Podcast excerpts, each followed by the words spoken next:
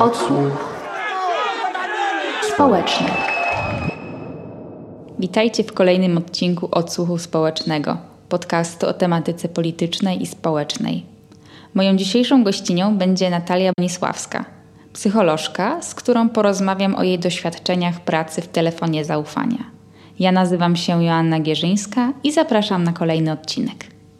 Na sam początek chciałabym Ciebie zapytać, czym właściwie jest telefon zaufania, jaką pomoc on oferuje, kto może z niego korzystać? Myślę, że przydałoby się zacząć od tego, y, w sensie z mojej strony y, w odpowiedzi na to pytanie, że y, ja pracowałam w trzech różnych liniach pomocowych. Właśnie jeden to był telefon zaufania, inna to taka linia wsparcia, jeszcze infolinia, ale jakoś łączę te linie to, że właśnie no tak naprawdę każdy, kto czuje, że jakoś potrzebuje z kimś porozmawiać, potrzebuje z kimś się zastanowić nad tym problemem, komuś o tym opowiedzieć, może zadzwonić na taką linię. Tam najczęściej porozmawiać z psychologiem albo z jakimś innym specjalistą.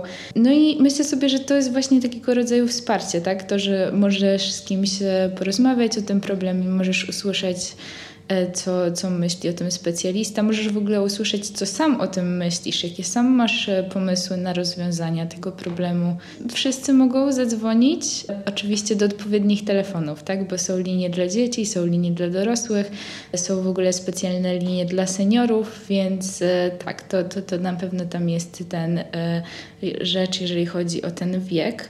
Ale tak to myślę sobie, że, że każdy może zadzwonić. Najwyżej, jeżeli jakoś e, osoba, która siedzi tam po drugiej stronie, uzna, że to nie jest na przykład moment na rozmowę, że, że, że jakoś osoba sama dzwoniąca nie jest jeszcze na to gotowa, tak? Albo nawet sama dzwoniąca, jakby w trakcie rozmowy dojdzie do wniosku, że to jeszcze nie jest ten moment na rozmowę, no to możemy się najwyżej rozłączyć, tak? Więc bez problemu niech dzwonią wszyscy. Jak właśnie wygląda dyżur przy takim telefonie? Wygląda tak, że, że jakoś y, odbierasz telefony od takich osób, które potrzebują tej rozmowy, tak? I, i to jest y, za każdym razem jakoś nie wiem, według mnie to się łączy z taką ciekawością, co, co się stało u tej drugiej osoby, czy czemu ona jakoś y, potrzebuje takiego telefonu, co w ogóle potrzebuje też podczas tej rozmowy, bo to, to też jest ważne, żeby jakoś się zastanowić, co ta osoba potrzebuje usłyszeć, powiedzieć, e, co, co potrzebuje, żeby się zadziało w tej rozmowie takim telefonie ile osób jednocześnie czuwa nad słuchawką? To jest bardzo różnie. Ja właśnie pracowałam w trzech e, różnych liniach i, i to, jest, e, to jest różnie, ale no najczęściej jest to, jest to kilk, e, znaczy nad jedną słuchawką, czy nad, nie, no, nad jedną słuchawką to jedna momencie. osoba, tak, ale na dyżurze zazwyczaj jest, jest, jest kilka osób po prostu. Mhm. I czy istnieje możliwość innego kontaktu niż telefonicznego, na przykład poprzez komunikatory internetowe jak Skype? O Skype'ie to nie wiem, może to nie w tych liniach, w których ja pracowałam, ale najczęściej jest taka możliwość, żeby napisać też e, maila albo e, na przykład porozmawiać na jakimś czacie. I to rzeczywiście myślę sobie, że, że jest pomocne tym osobom, które, które jakoś może obawiają się tego kontaktu telefonicznego, ale i tak zachęcam do tego kontaktu telefonicznego, bo, bo to jest jednak e, duża swoboda móc po prostu na bieżąco rozmawiać, e, na bieżąco słyszeć też emocje, które są w drugim człowieku, tak? Więc e, jest taka możliwość, żeby, żeby napisać. Jeżeli ktoś się, ktoś się obawia tego kontaktu telefonicznego, to, to zachęcam do pisania, ale jeżeli ktoś ma w sobie taką gotowość, żeby porozmawiać, to, to zachęcam do porozmawiania. Z jakimi problemami najczęściej spotykałaś się na dyżurach? Czy w ogóle osoby chętnie dzwonią, korzystają z takiej formy pomocy? Ciężko mi powiedzieć, jak chętnie, ale myślę sobie, że trochę tych osób jest chętnych, tak? Bo, bo właściwie w każdej linii, w której pracowałam, no to, to telefony się właściwie urywają, tak? E, więc jest po prostu jeden telefon za drugim. No mam poczucie, że, że ludzie wiedzą, że, że coś takiego jest i że, że sięgają po to. No taki najczęstszy jakiś tak powód, nie wiem czy jest taki jakiś najczęstszy. Jakoś często zdarzają się telefony, w których jakoś wychodzi na wierzch po prostu depresja, tak? I, i jakoś taki brak sił do życia, brak e, sił do normalnego funkcjonowania takiego codziennego, tak? I, i jakieś takie zaniepokojenie samemu o siebie. I mam wrażenie, że te telefony to jest takie pytanie, czy ze mną już jest czy ze mną już jest tak źle, że powinienem sięgnąć po pomoc y, dalej. I ja myślę sobie, że to absolutnie nie jest tak, że jest tak źle, tak? Ale w momencie, w którym jakoś czujemy, że sami już nie dajemy rady na takie codzienne funkcjonowanie, no to znak, że po prostu trzeba kogoś poprosić o pomoc, tak? I mam wrażenie, że takie telefony są rzeczywiście bardzo częste. Takie sprawdzenie, e, czy to już jest ten stan, czy, czy ja no, jakby źle nie myślę, że już powinienem sięgnąć po jakąś pomoc. Opracowałaś zarówno właśnie w tym telefonie dla, dedykowanym dla osób dorosłych, jak i tym dla dzieci i młodzieży. I czy jakoś różni się ta praca w tych dwóch miejscach? Ja pracowałam tak, zarówno na tych liniach dla dorosłych, dla dzieci i cóż, no hmm, trochę się różni przez to, że, że jakby no, inaczej się rozmawia z dziećmi i dzieci mają też inne zasoby, mają inne możliwości w ogóle samopomocy, inne mają możliwości dorośli. Więc na tym polu się różni, ale myślę, że problemy jednak mimo wszystko są dosyć podobne. Właśnie co śmieszne, uważam, że nawet jakby um, dzieci trochę o tym wiedzą, tak? Że ich problemy, no właśnie, żony są ciężkie, ale mają jakąś taką perspektywę, że dorośli mają cięższe problemy i mam wrażenie, że dorośli też mają taką perspektywę, tak? Że no te problemy dzieci to tam no, to, to takie e, czas nas, bycia nastolatkiem, tak? Więc oni sobie jakoś po prostu z tym poradzą. Dlatego tutaj mam taki apel, tak? Żeby jakby nie traktować tego w ten sposób, tak? Bo te dzieci problemy są naprawdę dosyć podobne, a do tego jeszcze często dzieci boją się mówić o tym dorosłym, dlatego że uważają, że właśnie dorośli mają cięższe problemy, więc e, co ja tam będę jeszcze swoim problemem jakoś dokładał ciężaru, tak? A no właśnie myślę sobie, że, że jakoś ta ranga tych problemów jest, jest taka sama dla, dla dzieci i dla dorosłych. Jakiś czas temu na ulicach miast, chociażby Warszawy, pojawiły się plakaty informujące o możliwości skorzystania z telefonu zaufania dla osób w kryzysie zdrowia psychicznego. Pojawiły się mniej więcej no, krótko po tym, jak wybuchła pandemia. Mhm. Czy w związku właśnie z tym lockdownem i tym, że dużo osób no, zostało zmuszonych do ograniczenia kontaktów z innymi, czy jakoś pandemia wpłynęła na to, jak ludzie zgłaszają się do tych telefonów, czy problemy, z którymi się zgłaszają, są jakoś związane z tym? Tak, myślę, że wpłynęło jak najbardziej. E, no, dlatego, że jakby ten telefon jest, znaczy to, co się dzieje w tym telefonie, jest trochę odzwierciedleniem tego, co się dzieje, tak?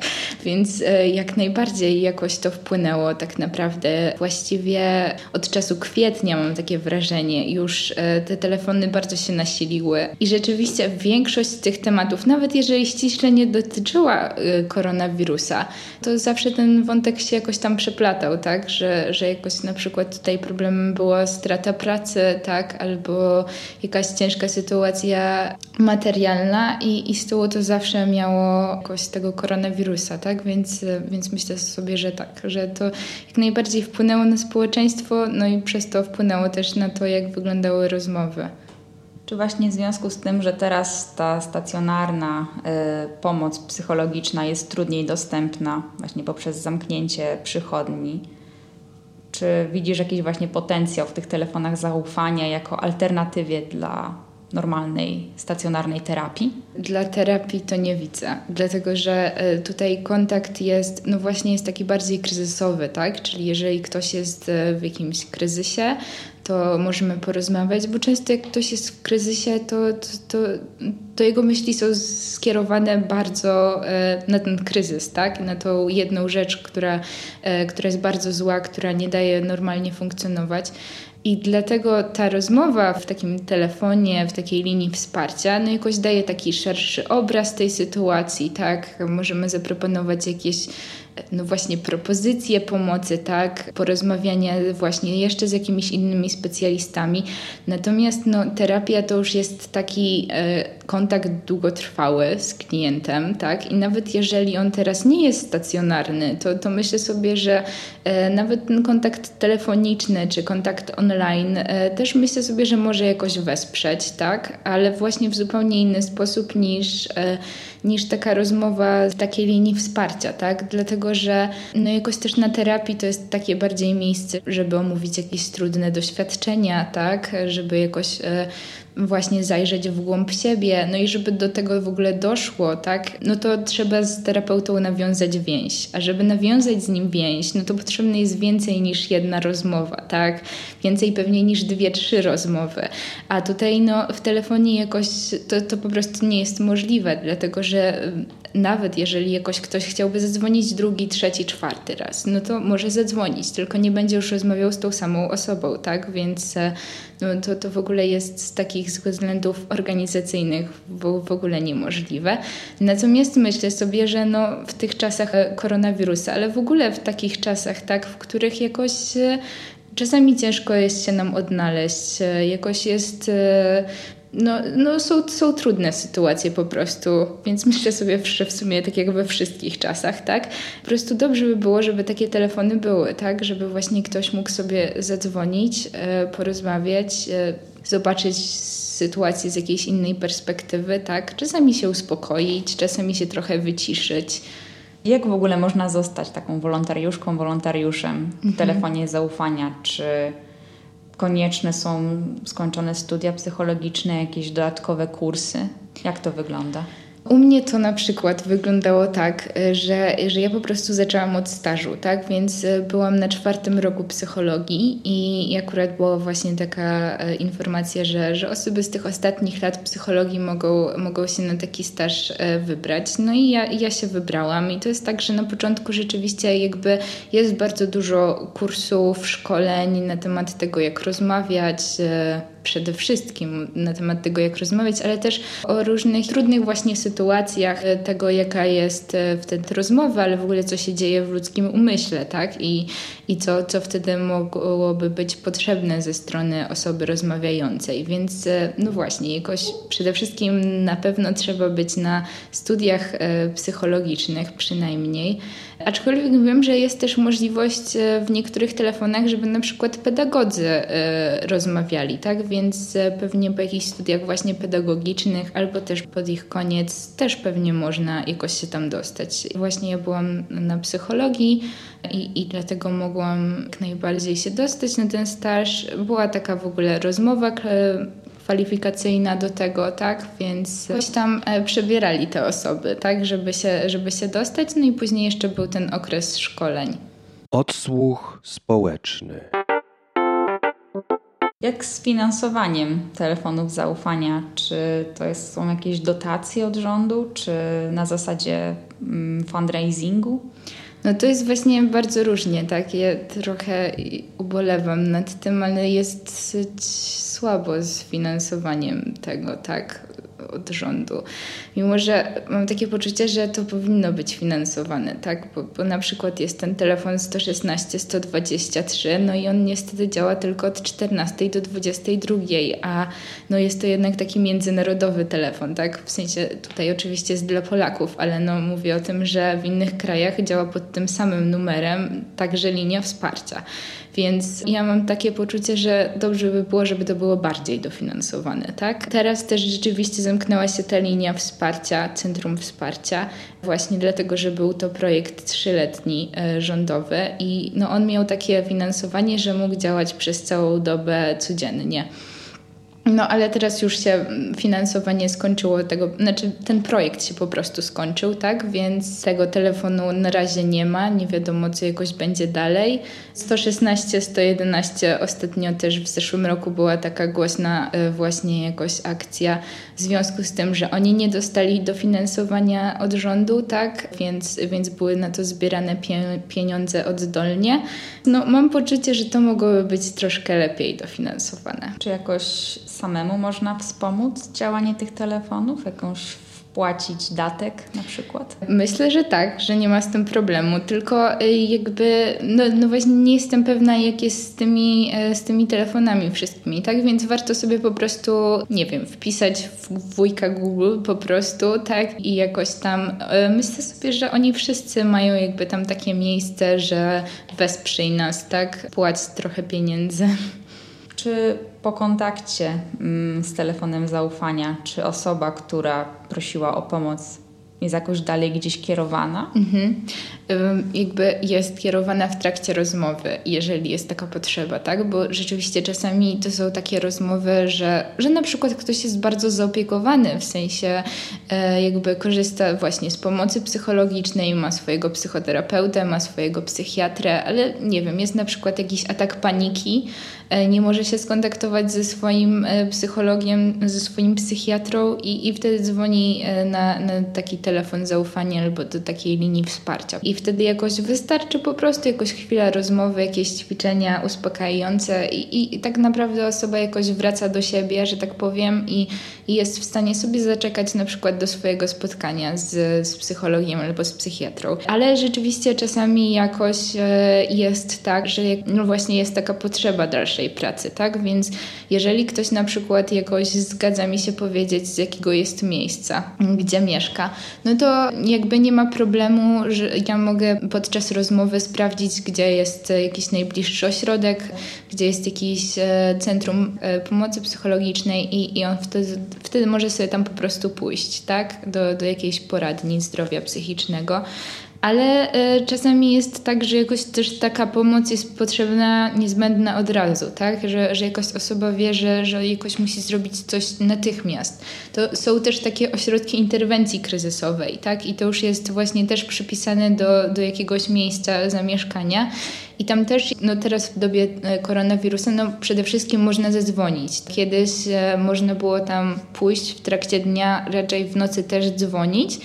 Teraz, teraz lepiej zadzwonić, ale tam rzeczywiście jakoś też jest taka holistyczna pomoc. Czyli czasami jest pomoc materialna, czasami jest hostel dla osób, które są e, po prostu w przemocy, żyją tak i muszą uciekać z domu. Czasami jest pomoc prawna, czasami e, pomoc socjalna, więc e, jakby właśnie jakoś dobrze też wiedzieć o, taki, o czymś takim, tak? Bo tam w ośrodkach interwencji kryzysowej też są psycholodzy, więc też jak najbardziej właśnie można można, można porozmawiać, jak się jest w takim kryzysie to jest właśnie kierowane bardziej do osób, które są w kryzysie, czyli tak naprawdę coś się dzieje teraz, tak? Coś takiego, na co jakby nie mogły być gotowe, na przykład śmierć bliskiej osoby, przemoc w domu, tak? Czy jakiś inny tragiczny wypadek. Jeżeli ktoś się od dłuższego czasu mierzy z, z jakąś depresją albo z takimi stanami, które ją przypominają, w związku z tym, że to jest jakoś długotrwałe, to lepiej właśnie się po prostu zapisać już, e, pójść do poradni zdrowia psychicznego, tam się zapisać na konsultację z psychiatrą, i taką konsultację też z psychologiem, może z psychoterapeutą, jeżeli są w takich poradniach y, takie osoby, tak? Myślę sobie, że tam też nie będzie problemu, żeby oni jakoś dalej pokierowali, żeby właśnie poszukać dla siebie jeszcze takiej pomocy. Czy w sytuacji, kiedy dzwoniąca do Was osoba zgłasza się z bardzo poważnym problemem, na przykład z myślami samobójczymi, czy mhm. jest ofiarą y, systematycznej przemocy mhm. domowej, czy jako osoby pracujące w telefonie zaufania macie możliwość E, skontaktowania się z policją czy mhm. podjęcia jakichś dalszych kroków? To jest tak, że jeżeli jakoś ona zgłasza myśli samobójcze, ale nie zgłasza zamiaru samobójczego, tak, to, to, to sytuacja jeszcze nie jest tak ciężka. Ale jeżeli jakoś rzeczywiście ta osoba mówi o tym wprost, że że ona zamierza po prostu odebrać sobie życie, no to już kiedy słyszymy po prostu o, o, takim zamiarze, który albo zagraża Twojemu życiu, albo zagraża Twojemu zdrowiu, to rzeczywiście wtedy mamy obowiązek się skontaktować z z odpowiednimi służbami, żeby po prostu zapewnić tej osobie bezpieczeństwo, tak? Bo priorytetem jest tutaj wtedy życie tej osoby. Natomiast jeżeli to jest tak, że, mm, że mamy wrażenie, że jakoś ta osoba zmaga się z diese trudnymi właśnie myślami, tak, z myślami samobójczymi, ale absolutnie nie ma zamiaru odebrać sobie życia, no to wtedy też sytuacja wygląda inaczej, tak, ale no to już jest zależnie od rozmowy tak naprawdę. Ale myślę sobie, że i tak warto być szczerym y, z osobą, z którą się y, rozmawia w takiej linii pomocowej, bo naprawdę no, mm, no my chcemy pomóc, tak, i jeżeli jakoś y, ktoś nie będzie do końca szczery, jakoś ja rozumiem, że jest czasami ciężko o, o jakichś sytuacjach mówić, ale wtedy też też można dać znać, że, że jest mi ciężko o tym powiedzieć, ale o tyle warto być szczerym, że, że my pomagamy w tej sytuacji, o której słyszymy. Jeżeli to nie jest prawdziwa sytuacja, to nie, nie pomożemy tak naprawdę tej osobie, tak? Tylko jakiejś w innej rzeczywistości, tej, o której ta, ta osoba opowiada. Więc warto być szczerym i jakoś mówić naprawdę, co się dzieje, tak? I z jakimi myślami się zmagamy. Jak z poufnością takiej rozmowy? Czy to jest gdzieś nagrywane dalej? Nie, te, te rozmowy nie są nagrywane, absolutnie. Jak najbardziej jesteśmy objęci tajemnicą e, zawodową, tak? Psycholog też e, ma taką tajemnicę zawodową, więc, e, więc jak najbardziej. Jedyne złamanie tej tajemnicy, chociaż no właśnie nie można tego nazwać złamaniem tajemnicy, tak? To są po prostu te sytuacje, kiedy musimy wezwać pomoc, bo ktoś mówi o tym, że no za chwilę on już nie będzie żył. Ale no też mam takie wrażenie, że to nie jest no, no przede wszystkim właśnie to nie jest złamanie tajemnicy zawodowej, ale to, tak naprawdę ta rozmowa dalej pozostaje poufna, bo ja tym policjantom, w ogóle no, jakimś ratownikom medycznym nie mówię o czym my rozmawialiśmy, tak? Tylko mówię o tym, jak trudna jest sytuacja i że ta osoba natychmiast potrzebuje pomocy, interwencji ratowników medycznych. Więc myślę sobie, że, że nie ma problemu z poufnością. Ta poufność jak najbardziej jest zachowana. Jak w przypadku samych psychologów, którzy dyżurują przy telefonie, czy macie możliwość e, zapewnioną e, sami opiekę mhm. psychologiczną, mm -hmm. czy jakąś superwizję? Mm -hmm. Jak najbardziej, jak najbardziej. Myślę sobie, że jest taka duża potrzeba, tak? Bo to jest jednak tak, że przez taki dyżur no, zmagasz się z kilkoma kryzysami tak naprawdę. To jest trochę obciążające, ale jak najbardziej właśnie nie dość, że, że właśnie to są psycholodzy, którzy mają już jakieś swoje sposoby, żeby radzić sobie z takimi obciążeniami. Jest możliwość właśnie korzystania z superwizji, żeby właśnie jakoś umówić swoje odczucia, umówić to, jak samemu się pracowało, więc jak najbardziej. Czy zdarzało ci się, że dodzwaniali się do was jacyś dowcipnisie? Mhm, jak najbardziej. To jest w ogóle jakoś e, wcale nie takie rzadkie tak naprawdę. Zawsze ta rozmowa mimo wszystko trwa. E, jeżeli jakoś e, no, te żarty już są takie bardzo personalne, bo takie jak najbardziej też się zdarzają z jakimiś tam wulgaryzmami czy, czy obrażaniem, można z tym skonfrontować, tak? Że, że to jest taka linia wsparcia, a tutaj jakoś tym nie obrażasz, no ja się na to nie zgadzam, ale jakoś dalej ta rozmowa idzie. No jeżeli właśnie już nie ma możliwości, żeby ta rozmowa poszła dalej, bo jakoś nic innego nie słyszysz oprócz wulgaryzmów na swój temat i jakoś taka konfrontacja z tym, że e, no tak trochę to nie pasuje do tej linii, co się dzieje, nie działa, no to czasami rzeczywiście trzeba się rozłączyć, ale to też przed, przed po takim e, uprzednim właśnie jakoś e, zapoznaniu z tym, jak to się skończy. Więc czasami się trzeba rozłączyć, ale czasami rzeczywiście jest tak, że po prostu komuś trudno jest zacząć inaczej rozmowę, tak? To jest jakiś jego sposób obronny, jakiś e, właśnie sposób na to, żeby się trochę odstresować, trochę z siebie zrzucić tego właśnie stresu, więc ta rozmowa, jeżeli może iść, to jak najbardziej idzie dalej i, i nie ma żadnego problemu, tak? Jeżeli ktoś przestaje e, obrażać i rzucać wulgaryzmy albo jakoś chichotać pod nosem i rzucać jakieś żarty. Znaczy, absolutnie jeszcze a propos tego chichotania pod nosem, co powiedziałam, to też nie ma problemu, tak, bo niektórzy na przykład przez cały czas prowadzą tak rozmowę, tak, bo są tak zestresowani mimo wszystko, że, że sobie będą się śmiali pod nosem i z tym, z tym nie ma żadnego problemu, ale no to właśnie też e, warto być szczerym, że to jest po prostu taka moja reakcja, wtedy ta osoba, z którą się rozmawia, po prostu będzie uprzedzona, że, że to tak jest.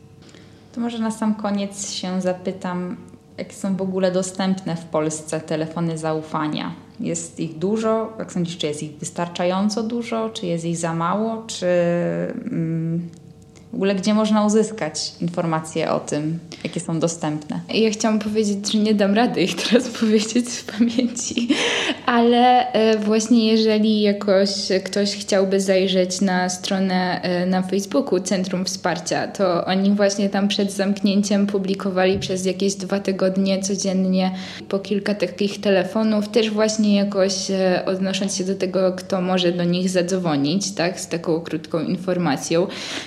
No ja mam poczucie, że trochę tych telefonów jest, jeżeli chodzi właśnie o różne problemy, tak? Ale jeżeli chodzi o takie ogólne e, telefony, no to jest ich dosyć mało.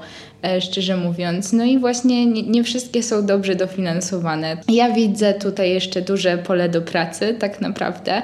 I do, no właśnie do dofinansowywania, ale no na ten moment wiem, że jakoś na pewno jest to 116, 111 dla dzieci i młodzieży i ona działa przez całą dobę 7 dni w tygodniu. Dla dorosłych jest 116, 123, tylko że z tą informacją, że działa od 14 do 22 też nie jestem teraz pewna, więc e, warto to też sprawdzić, ale takie były e, informacje z mojego ostatniego researchu. Jest też e, taka linia dla dzieci i młodzieży, dla dorosłych w sprawie dzieci, to jest 800 080 222. I tam też może dzwonić młodzież, tam też mogą dzwonić dorośli i ona też działa przez całą dobę. Znaczy dorośli mogą tam dzwonić w sprawie dzieci. E, żeby to e, jeszcze tak uszczegółowić. To są te takie telefony ogólne. Jest też takich kilka telefonów zaufania mniejszych, które są prowadzone właśnie też jakoś tak oddolnie przez jakieś e, miasta, tak? Więc to, to warto właśnie tam zajrzeć na, na Facebooka Centrum Wsparcia. Bardzo dziękuję Ci za rozmowę. Dziękuję Ci również. Odsłuch społeczny. Śledź nas na Twitterze i Instagramie.